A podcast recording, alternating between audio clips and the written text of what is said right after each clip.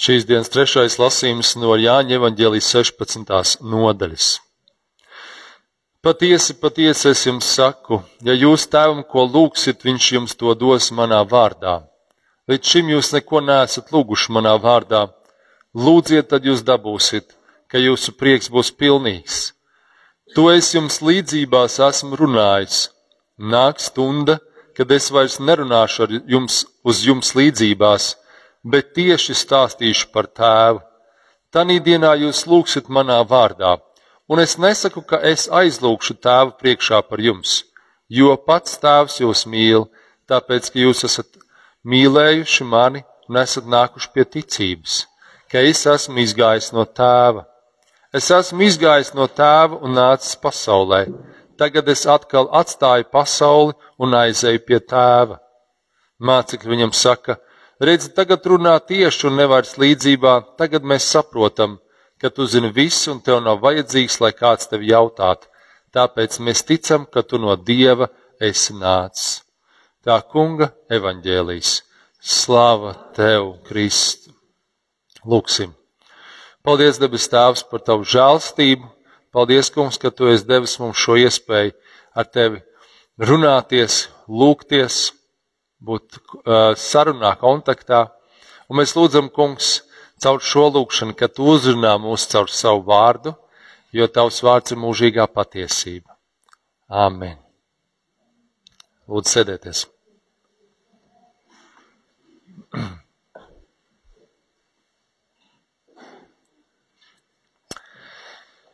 Tā tad eh, sastā lieldienas svētdiena rogāte, kas nozīmē lūkšana, jeb lūdzies.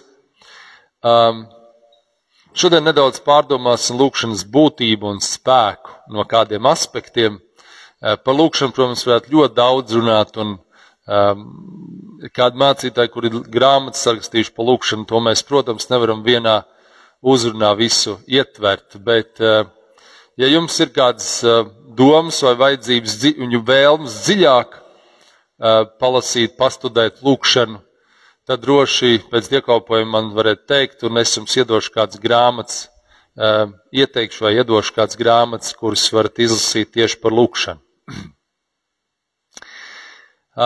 Kāpēc mēs par to runājam, vai tas nav tāpat skaidrs, ka ir jālūdz? Es domāju, ka tas nav tā pašsaprotami. Mums regulāri vajag sev atgādināt, cik lūkšana ir liels spēks. Kāpēc? Tāpēc, ka cilvēks parasti ikdienā nu, tā baigi jau netiecas pēc lūkšanas. Jo cilvēka miesa ir vāja, un tā labprātāk izvēlas darīt ko citu, nevis tā pilnīgi apzinīgi tiecas pēc lūkšanas. Nu, protams, tad, kad mums paliek kādas grūtības uznāk, vai tad, kad kādam citam, tuviniekam, radiniekam, draugam, kaimiņam vai, vai brālim, māsai Kristu ir kādas vajadzības, tad mēs kā vairāk nākam pie Dieva lūkšanā, jo mēs saprotam, ka mums tik ļoti ir vajadzīga viņa palīdzība. Bet ikdienā, nu, droši vien kā kuram un kā kuru dienu. Ja mēs tā šodien pajautātu, cik daudz no mums, piemēram, Dievu lūdz 5 līdz 15 minūtes dienā, jums nav jāceļ rokas, bet jūs zinat pašu savu atbildi. Vai cik daudz Dievu lūdz 15 līdz 30 minūtes dienā? Varbūt kādu, kur Dievu lūdz vairāk kā 30 minūtes dienā, varbūt stundu, divas. Vai vispār kāds ir mērījis to laiku, cik daudz mēs lūdzam? Kāds varbūt teiks, kāpēc man tagad jāskaita minūtes, kad es lūdzu? Bet tas, kas mums dzīvē ir svarīgs, mēs tā kā skaitam, vai ne? Naudu vai laiku, kad mums ir kādas lietas jāizdara, mēs skatāmies dienā, cik mums ir stundas, vai mēs paspēsim izdarīt, vai kādas citas lietas mēs tā kā skaitam, vai ne? Kā ir ar mūsu lūkšanu, vai mēs skaitām, cik mēs tajā pavadām laiku, vai mēs to pārdomājam, vai mēs kaut nedaudz nepārspīlējot, bet tomēr analizējam, kad es lūdzu, ko es lūdzu, kāpēc es lūdzu. Um, padomāsim arī kādreiz, ka mēs lūdzam Dievu, ne, Dievs nevienmēr atbild uz mūsu lūgšanu, vai ne? Vai esam piedzīvojuši, ka lūdzam, bet jūtam, ka lūkšanas kaut kā paliek tepat un neaiziet pie Dieva vai arī tā kā aiziet un atsits un atnāk mums atpakaļ. Vai vienkārši lūdzam un nekas nenotiek. Kāpēc tā ir?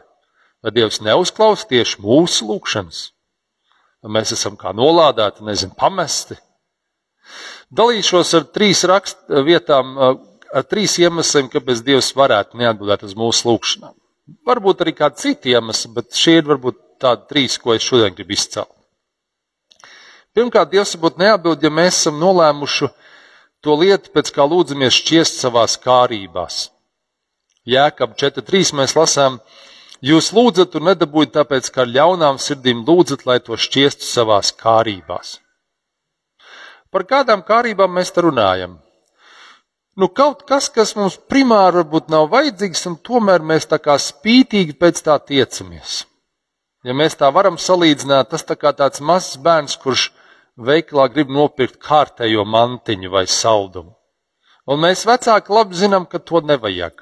Mēs sakam, nē, Un tad mēs tur nē, tas bērns bļauj, un nē, man to vajag.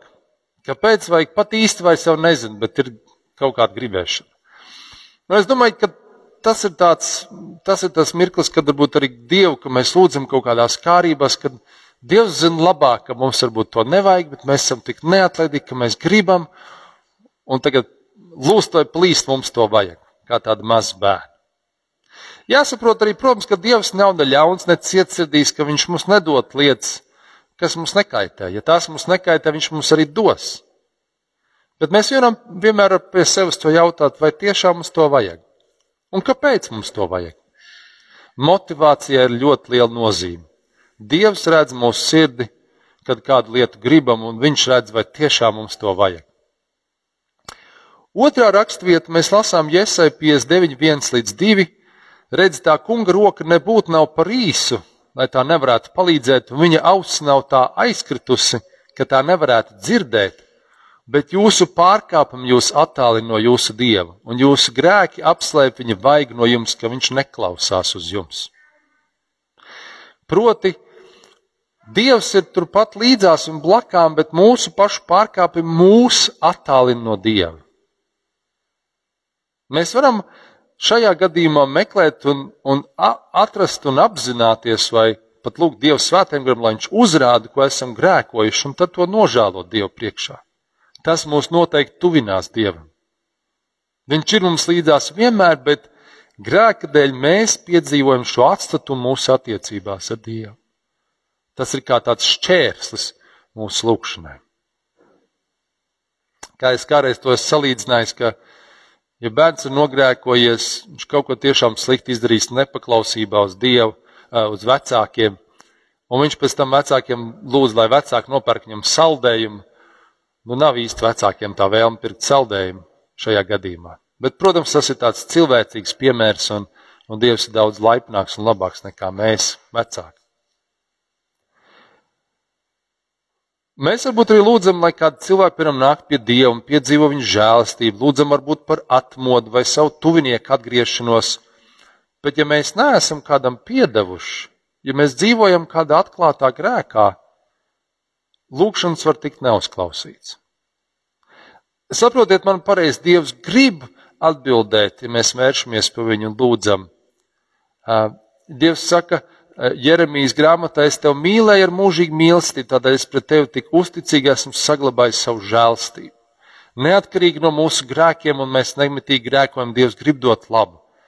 Bet, ja mēs esam kādā, kādā ļoti skaidrā nepiedošanā un ļoti skaidrā grēkā, tad tas tomēr mūs attālina, un tur ir tā plaisa starp mums un Dievu. Dievs mūs mīla mūžīgi mīlestību, lai ko mēs būtu darījuši, Viņš mūs mīl. Mums tikai ir jānožēlo to, ko esam darījuši, viņš mums piedos, un tad viņš mums dos savu padomu, kā rīkoties. Arī tad, kad mums liekas, ka mēs esam visu sabojājuši, vai esam galīgi, liekas, pilnīgi necienīgi tā kunga priekšā stāvēt. Viss ir slikti, ko mēs esam darījuši. Dievs mūs vienmēr gaida ar atklātām rokām. Mums tik jāapzinās savu nomaldīšanās, kā pazudušais dēls, kurš nāc pie atziņas, es esmu grēkojis pret Dievu un pret, uh, uh, pret debesīm un pret zemi. Un tad, atcerieties, pazudējušais dēls atgriezās mājās un tēvs un sagaidīja ar atklātām rokām. Tāpat, ja mēs lūdzam par mūsu vai citu cilvēku garīgo izaugšanu, cilvēks var kādreiz arī mēs varam vainot citus ap sevi, bet vai mēs esam ieskatījušies sevi, vai mēs katrs esam gatavi iestīties sevi un apzināties to, kam neesam piedevuši, ar ko neesam izlīguši. Ja mēs neesam izlīguši apkārtējiem, tad varam piedzīvot, ka mūsu lūgšanas netika, netiek uzklausīts. Un trešais ir, ja nu esam ar visiem izlīguši un tomēr liekas, ka Dievs neatbild, tad varam turēties pie Dieva iedrošinājuma būt neatlaidīgiem savā lūgšanās. Atcerēsimies Lūkas evanģēlī, 11. nodaļu. Mēs tur lasām tā. Un viņš sacīja, kuram jūsu starpā ir draugs, ja viņš pie tā noiet un naktas vidū tam teiktu, mīļais, aizdod man trīs maizes, jo mans draugs no ceļa pie manis ir iegriezies, bet man nav nekā, ko viņam celt priekšā. Un tas no iekšpuses atbildēt un sacīt, neapgrūtina mani, durvis ir jau aizslēgtas, un mani bērni jau ir pie manis gultā, es nevaru celties un tev dot. Es jums saku, ja arī viņš neceltos nedot, tāpēc, ka tas ir viņa draugs, tad viņa neatlaidības dēļ tas celsies un dos viņam, cik tam vajag. Tā arī es jums saku, lūdziet, tad jums taps dots, meklējiet, tad jūs atradīsiet, klauvējiet, tad jums taps atvērts. Neatlaidības dēļ Dievs uzklaus kādas lūkšanas. Viņš grib redzēt mūsu neatlaidību. Viņš grib redzēt, ka mums tas tiešām ir svarīgi. Es kādreiz arī um, cilvēkiem teiksim, saku, ka nu, pirmdienas mācītājiem parasti ir tāds brīvāks dienas, lai tad netraucē. Un, un nezvar, nu, cilvēki pārsvarā to ievēro, kāda varbūt to mazāk, bet tad es arī neatbildu zvaniem. Bet, ja kāds man ļoti, ļoti, ļoti gribētu, un tas tiešām ļoti steidzami, Tad viņš var atnākt un viņš zina, kur es dzīvoju, viņš pieklāvoja pie maniem durvīm. Un tad, tad es, es tur esmu, un tad, ja tas ļoti steidzami, es kaut ko darīšu. Es, es ne, nesagaidu, ka jūs katrā jautājumā tagad nāksiet manām durvīm klauvēt. Es redzēju, vienkārši man sieviņa pasmaidīja, viņa domā, jā, poši tagad viss nāks un klauvēs pie durvīm. Ne, ne tā, bet ja mēs esam neatlaidīgi, jo mēs kaut ko ļoti gribam, tas ļoti svarīgi un vajadzīgi, mēs taču ejam un darām. Tāpat arī ar lūkšanām. Ja mums kaut ko vajag, mēs, mēs nākam neatlaidīgi lūkšanā. Vēl un vēl, un, un klauvējam pie debesu vārtiem, mēs varētu teikt. Um, vēlreiz atgādināt, ka Dievs ir labs un Viņš vēlas dot mums labāko. Viņš arī zina, kas mums ir labākais. Un um, kā šajā raksturvietā ir tālāk, kad um, ja mēs vecāki saviem bērniem, mēs vecāki, kas būdami nevienmēr ļoti taisni un pareizi zinām dot labas dāvanas. Cik daudz vairāk Dievs dod labas dāvanas mums, kurš zina, kas mums ir vajadzīgs, ja mēs esam neatlaidīgi savā lūkšanās. Tātad viens iemesls, kāpēc Dievs neatbild, varbūt, ka mēs gribam šķiest savā kārībās, otrs ir varbūt ir kāds pārkāpums, kāds grēks atklāts, kāda nepiedošana, bet trešais, ja liekas, ka pirmie divi nav tas iemesls, tad vienkārši mums jābūt neatlaidīgiem savā lūkšanās, līdz, Dievs, līdz mēs sagaidām, ka Dievs atbildētu savas lūkšanas. Un, protams, cilvēkam vienmēr ir, ir tas grūtākais tieši gaidīt uz Dievu. Mums parasti šajā laikmetā, kurš ļoti steidzīgs, gribas uzreiz atbildēt. Jā vai nē, bet tik grūti ir gaidi, ja Dievs mums saka, gaidi. Es esmu kādās lūkšanās par kādām lietām gaidījis uz Dievu vairākus mēnešus, pat gadus. Ja, un pēc beigās Dievs ir atbildējis. Vai es turpinu lūgt, vai es turpinu būt neatlaidīgs, vai es ticu, ka, ja man nav liela, nekāda konkrēta atklāta grēka, un ja es, es tiešām to nelūdzu tikai kārībām, bet man to vajag, vai es ticu, ka Dievs grib man to dot? Tas arī ir tāds jautājums. Varbūt mūsu neticība kādreiz beidzas, un es saku, Nē, nu laikam jau man Dievs to negrib dot. Tur ir tāda cīņa kādreiz mūsu ticības dzīvē. Noslēgumā varbūt arī tāds dažas domas un atziņas no Dīda Juka grāmatas par lūkšanu.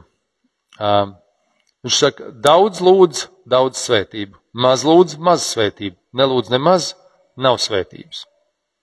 Jo vairāk lūdzu, jo vairāk vienotība kādam konkrētam mērķim. Piemēram, ja draudz vai kāda ticieša kristiešu grupa par kaut ko lūdz, tad, tad tas ir tādu vienotu mērķi, un jo vairāk lūkšanas tiek raidīts, jo visticamāk Dievs atbildēs.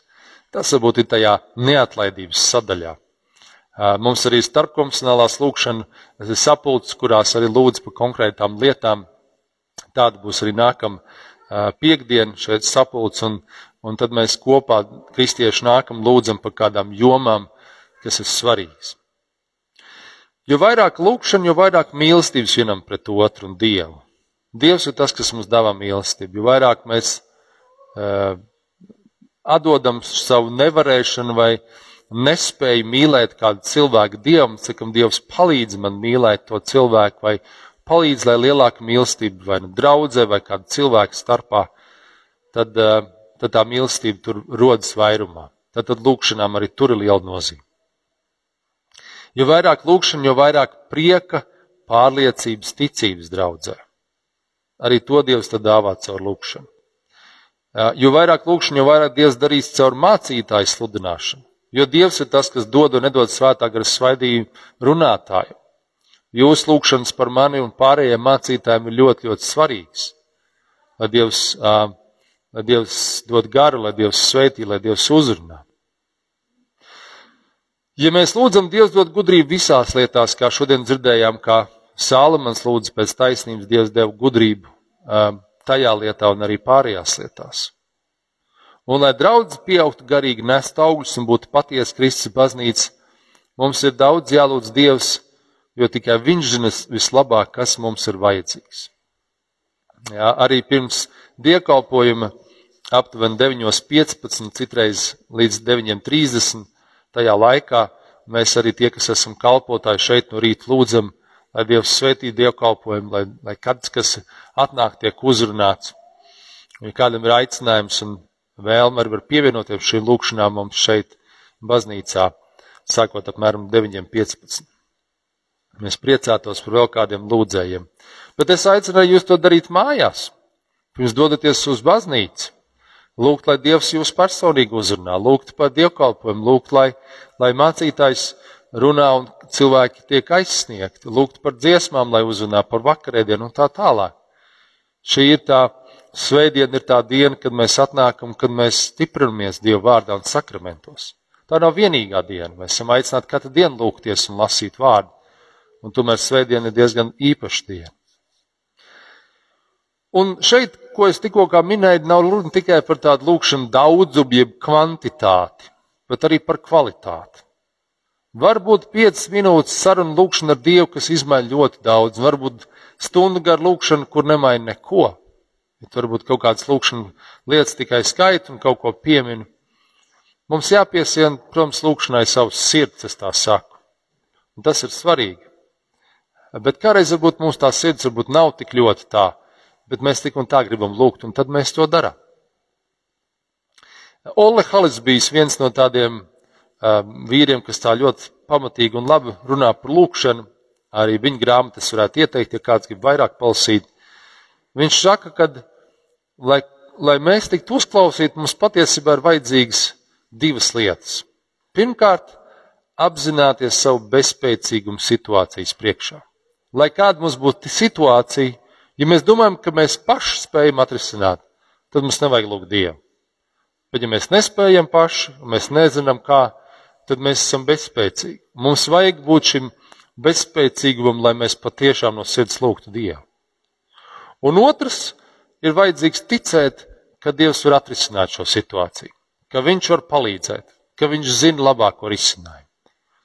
Un, ja mēs jūtamies bezsvēcīgi un ticam, ka Dievs var atrisināt, tad lūkšana principā ir notikusi. Un mēs varam runāt, ka lūkšana nav tikai lūgums Dievam.